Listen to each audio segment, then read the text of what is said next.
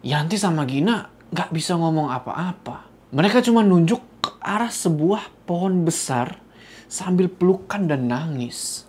Mas Nano sontak ngeliat ke arah pohon besar itu. Uh.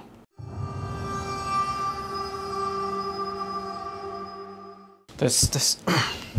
Assalamualaikum teman-teman, balik lagi sama gue Jo. Apa kabar kalian semua? Semoga kalian semua yang menonton video ini diberikan kesehatan, dilancarkan rezekinya, dan selalu dimudahkan urusan-urusannya. Dan selalu diberikan perlindungan dari wabah yang sedang melanda dunia saat ini. Kita kembali di segmen cerita horor pendaki. Di mana cerita yang bakal kalian dengar sekarang adalah ceritanya Bang Heru. Tahu Bang Heru kan?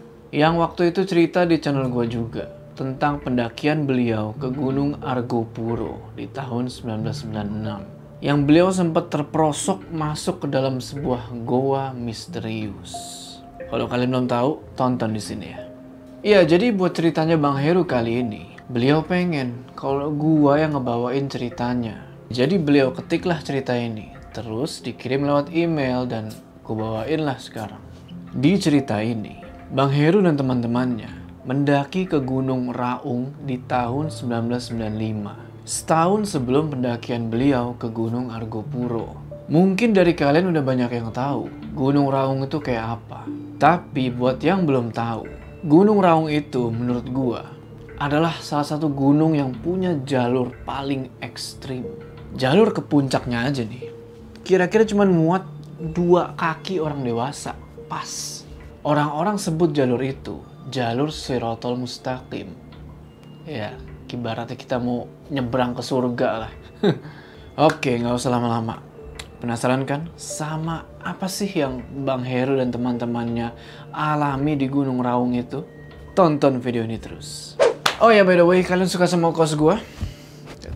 Seven Summits of Indonesia. Merah putih di sini. Belakangnya lihat. Baju ini gue dapat dari Els Montana. Jadi bagi kalian yang pengen beli juga baju yang sama kayak yang gue pakai, cek info di deskripsi ya. Udah siap ya? Mode horor aktif.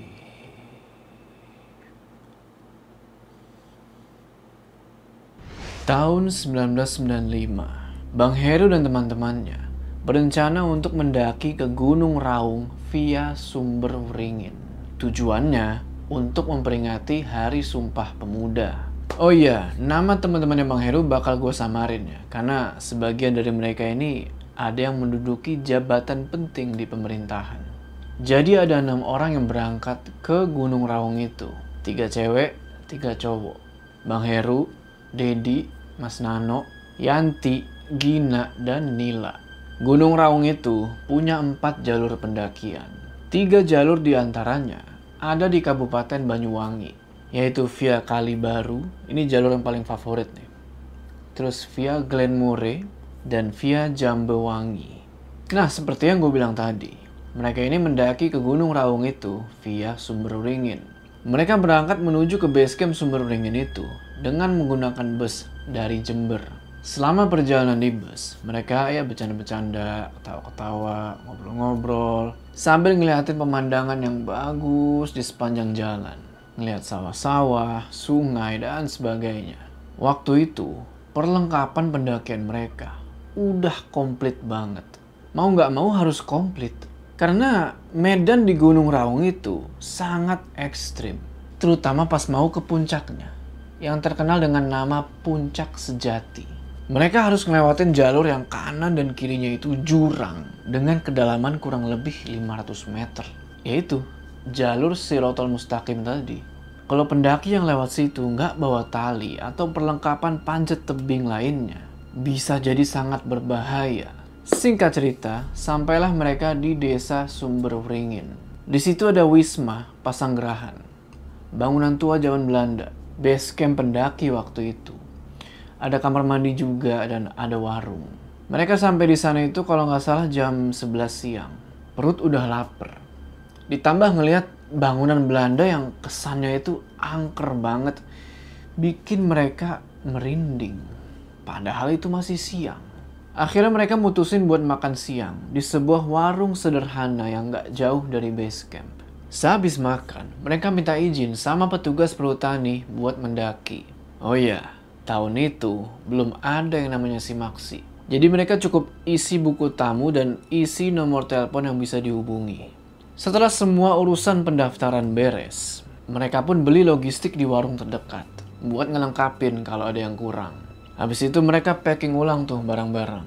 Siang menuju sore, di situ udaranya sejuk banget. Sampai pada akhirnya mereka tidur. Bangun-bangun, ternyata udah azan maghrib. Sontak Bang Heru ngebangunin teman-teman yang lain buat sholat. Setelah sholat, mereka pun masak air, bikin kopi, teh, dan lain-lain. Di sini, Yanti pergi ke kamar mandi. Pas mereka semua lagi sibuk sama urusannya masing-masing, tiba-tiba... Tolong! Saya nggak mau ikut. Mereka dikagetin sama teriakannya Yanti yang kenceng banget dari kamar mandi. Ada apa? Bang Heru ngelihat mukanya Yanti pas abis dari kamar mandi itu. Pucet pasi. Kata Yanti, pas dia di kamar mandi, ada sosok tentara Belanda tua yang mau ngajak dia jalan-jalan. Akhirnya Yanti pun ditenangin sama Mas Nano. Mas Nano ini adalah orang yang sangat peka sama hal-hal yang begituan.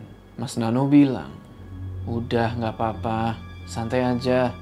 Opa-opa itu kayaknya pengen kenalan sama kamu Yan. Yanti di situ langsung pasang muka cemberut dan kesel sama Mas Nano. Gak lama kemudian, tiba-tiba Dedi ngeluh perutnya sakit, semacam kram gitu. Sontak teman-teman yang lain kaget dan langsung ngasih dia pertolongan. Lalu setelah itu nyuruh si Dedi ini buat istirahat. Sejam kemudian, giliran Nila yang perutnya sakit. Ternyata si Nila ini baru aja datang bulan. Melihat kondisi mereka berdua ini yang gak memungkinkan, akhirnya Bang Heru nyuruh mereka buat stay aja di base camp. Jangan ikut naik. Mungkin mereka berdua ini kecapean karena habis mendaki tiga gunung beberapa waktu yang lalu. Jadi sebelum mendaki ke Gunung Raung ini, mereka sempat mendaki ke Semeru, ke Arjuno, dan ke Welirang. Tengah malamnya, Bang Heru kebelet, pengen buang air kecil. Jalanlah dia ke kamar mandi itu. Namun, tiba-tiba, bulu langsung berdiri di depan kamar mandi itu. Dia ngeliat, samar-samar ada sosok wanita berbaju putih. Karena masih ngantuk, dia kucek-kucek mata kan terus ngeliat lagi malah makin jelas itu adalah sosok wanita Belanda cantik matanya biru rambutnya pirang sebahu pakai topi lebar dan sepatu boot hitam dia juga pakai blus terusan warna putih selutut Noni Belanda itu senyum sama Bang Heru dan ngulurin tangannya seolah-olah tuh pengen ngajak Bang Heru ikut. Lalu sosok Noni itu ngomong pakai bahasa Belanda. Gak lama kemudian, tiba-tiba datang lagi. Kali ini sosok seperti putri kerajaan yang gak kalah cantik. Berpakaian kayak putri keraton. Dan sosok ini ngusir si Noni Belanda itu. Sosok ini terus ngomong. Tapi gak ngerti ngomong apa. Bang Heru cuman bengong aja.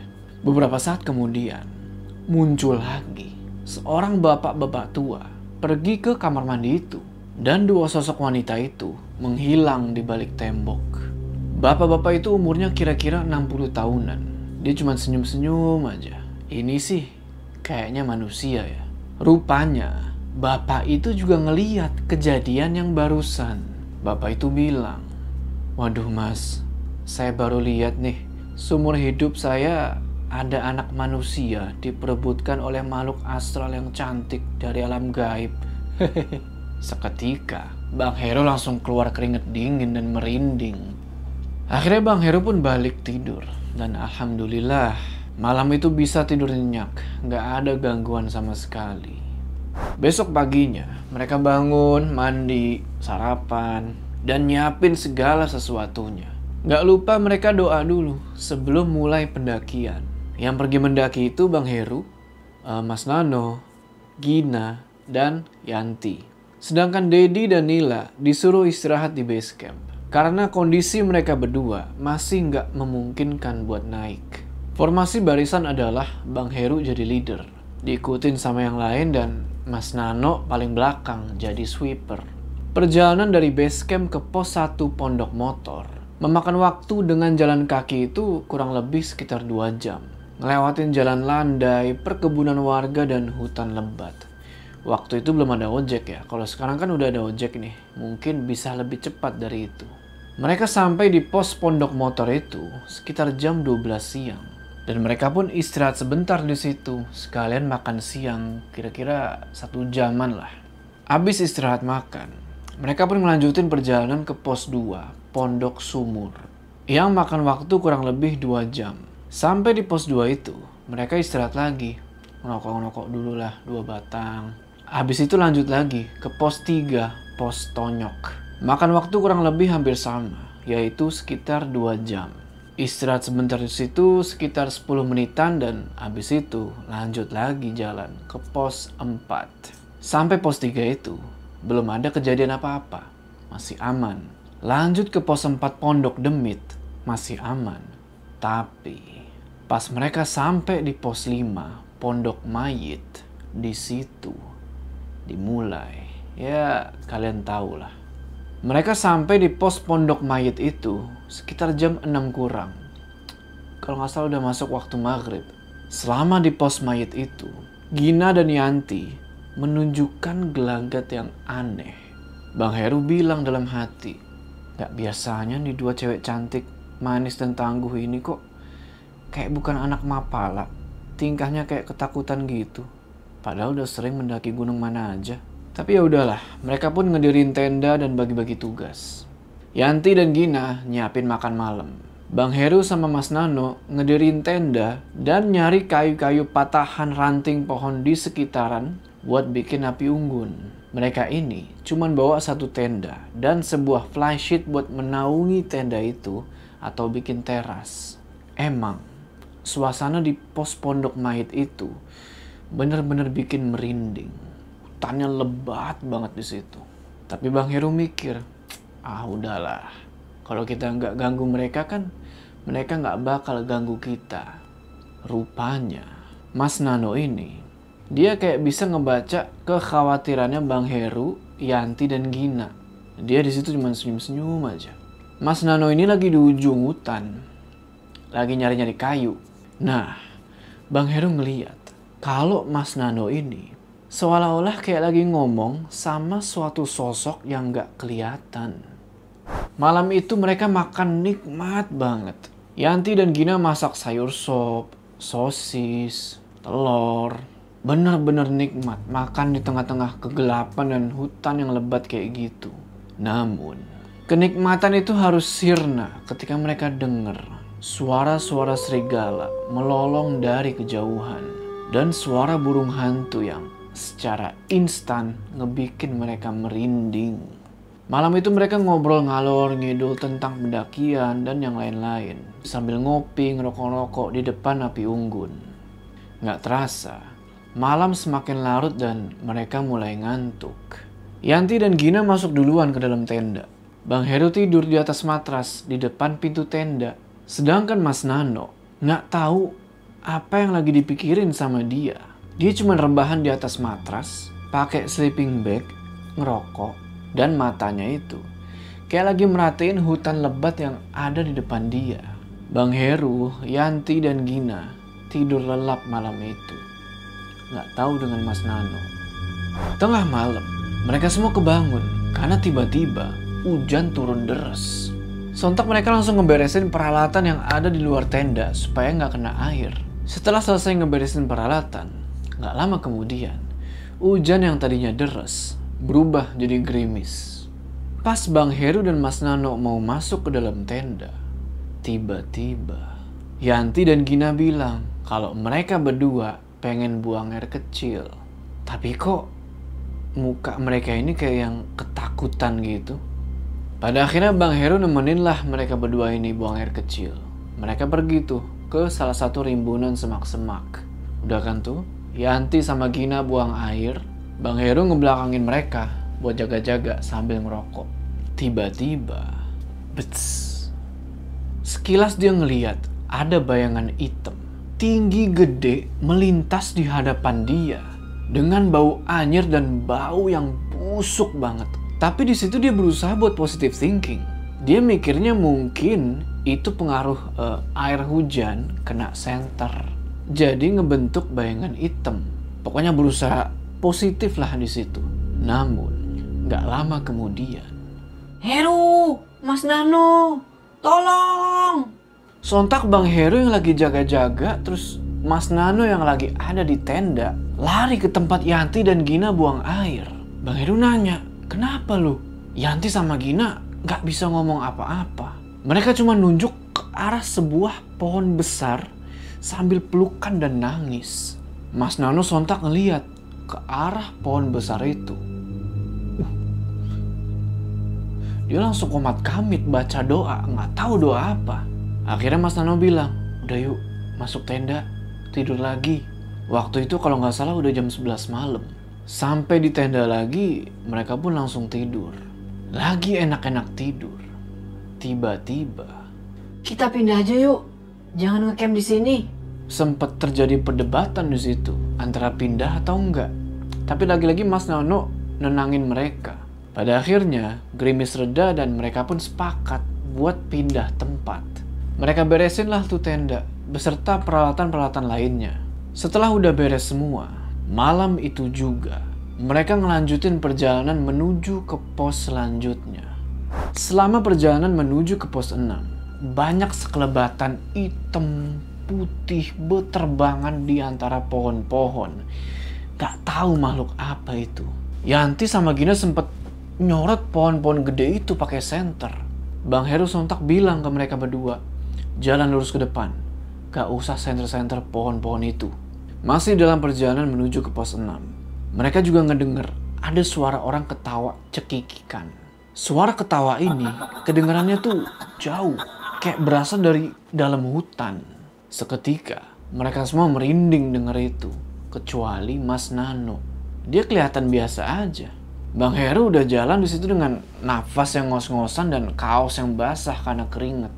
Udara malam yang dingin jadi gerah buat dia. Terus jalan dan tiba-tiba Bang Heru kesandung dan jatuh. Dia ngerasa kayak ada yang nyelengkat kakinya dia. Tapi dia yakin itu bukan akar pohon. Karena dari tadi tuh headlampnya diarahin ke bawah, ke depan, ke bawah, ke depan. Gak lama setelah jatuh itu, sontak penglihatan dia jadi gelap alias pingsan. Dan dalam pingsan itu, Bang Heru mimpi. Mimpi ngeliat suatu sosok. Bisa tebak nggak sosok apa? Bang Heru ngeliat gadis berpakaian kayak putri kerajaan. Persis sama kayak yang Bang Heru lihat di kamar mandi base camp. Sosok itu cuma senyum dan nolong Bang Heru buat diri. Di saat yang bersamaan, dia nunjuk ke satu sosok yang lain. Pas Bang Heru ngeliat ke arah yang ditunjuk sama putri itu, ternyata ada sosok tinggi besar, berbulu, bertanduk, giginya bertaring, matanya merah, kayak api yang menyala-nyala. Gak tahu makhluk apa itu. Bang Heru bilang kalau dia sepertinya pernah ngeliat makhluk itu sewaktu dia masih kecil. Di sebuah hutan larangan di lereng Gunung Slamet. Balik lagi. Ternyata bener. Setelah jatuh itu, Bang Heru pingsan. Dan untungnya ada pohon yang nahan badannya dia. Jadinya dia nggak jatuh menggelinding sampai ke bawah jurang. Bang Heru baru sadarin diri pas pipinya ditampar sama Mas Nano. Berarti bener, pas pingsan itu, dia mimpi ditolong sama putri kerajaan tersebut. Oke, setelah Bang Heru sadar, mereka pun melanjutin perjalanan menuju ke pos 6 Pondok Angin. Bisa dibilang menuju ke batas vegetasi. Pohon mulai jarang. Jarak-jaraknya udah mulai berjauhan satu sama lain. Sampai di pos pondok angin itu, mereka ngecamp lagi, ngedirin tenda dan segala macem. Waktu udah jam 2 malam. Akhirnya mereka tidur dan tidurnya nyenyak. Gak ada gangguan sama sekali dari para penghuni Gunung Raung. Besoknya, mereka bangun kesiangan sekitar jam 6 pagi. Dan udah pasti nggak dapet momen sunrise. Ya udahlah kan. Setelah bangun itu mereka pun masak air, bikin teh dan sarapan mie instan. Setengah jam kemudian, setelah udah siap semua, berangkatlah mereka ke puncak. Mereka ke puncak ini nggak bawa tenda, tendanya ditinggal di situ. Jalur menuju puncak adalah jalur maut. Karena kanan kirinya adalah jurang. Lebar jalur kurang lebih setengah meter dan berpasir. Salah nginjek dikit, wassalam. Ketelitian, kesabaran, dan kerjasama benar-benar dibutuhin di sini. Singkat cerita, setelah susah payah, pada akhirnya mereka sampai di puncak Gunung Raung, yaitu puncak sejati. Jadi dari puncak Raung itu, kita bisa ngelihat kawahnya Gunung Raung dengan kedalaman kurang lebih 500 meter. Seperti biasa, mereka foto-foto dan menikmati pemandangan alam yang luar biasa. Nah, pas lagi asik-asik foto, tiba-tiba, seret! Yanti kegelincir dan masuk ke dalam jurang. Untungnya, si Yanti masih sempat pegangan sama akar-akar yang menjulur di bibir jurang. Dan ketahan sama beberapa pohon kecil. Jadinya dia nggak jauh terperosok sampai ke dasar jurang. Sempet keperosok itu kurang lebih sekitar 10 meteran lah. Bang Heru pun nolong Yanti dengan cara narik dia. Yanti nangis di situ. Tapi Bang Heru terus teriakin dia buat fokus dan nyuruh dia buat pegangan ke akar-akar yang menjulur dan injek bebatuan apa aja sebagai tumpuan kakinya. Yang menarik perhatian adalah Bang Heru ngeliat di pinggir jurang itu ada sebuah bunga. Gak tahu bunga apa, tapi bunga itu besarnya itu sebesar bunga matahari. Nah, bunga itu diambil sama Yanti, terus dimasukin ke kantong celananya. Pada akhirnya, Yanti bisa selamat naik lagi ke atas dengan cara ditarik meskipun kaki sama tangannya itu luka-luka. Setelah semua udah aman, mereka pun turun lagi ke pos pondok angin, tempat mereka ngecamp. Sesampainya di sana, Gina langsung kombatin luka-lukanya Yanti. Sedangkan Bang Heru dan Mas Nano cuma duduk diem sambil ngerokok. Abis itu Gina masak buat makan siang. Dan mereka makan tuh. Selesai makan, Bang Heru nyuruh Yanti buat istirahat di dalam tenda. Buat menstabilkan kondisi mental dan fisiknya. Waktu semakin berlalu dan gak berasa. Sekarang udah siang menuju sore. Kira-kira jam 2-an mereka beberes tenda dan perlengkapan lainnya. Lalu dimulailah perjalanan turun. Di sini, kengerian pun dimulai. Kalian pikir memetik bunga itu dan membawanya tidak akan menimbulkan konsekuensi? Apa yang bakal terjadi sama mereka selanjutnya? Penasaran kan? Tonton di part 2. Sebelum kita berpisah, jangan lupa kalian like video ini dan bagi yang belum subscribe, ayo subscribe sekarang ke channel ini supaya kalian gak ketinggalan part selanjutnya dari cerita ini. Gua Jo, sampai ketemu di cerita, eh sampai ketemu di part selanjutnya.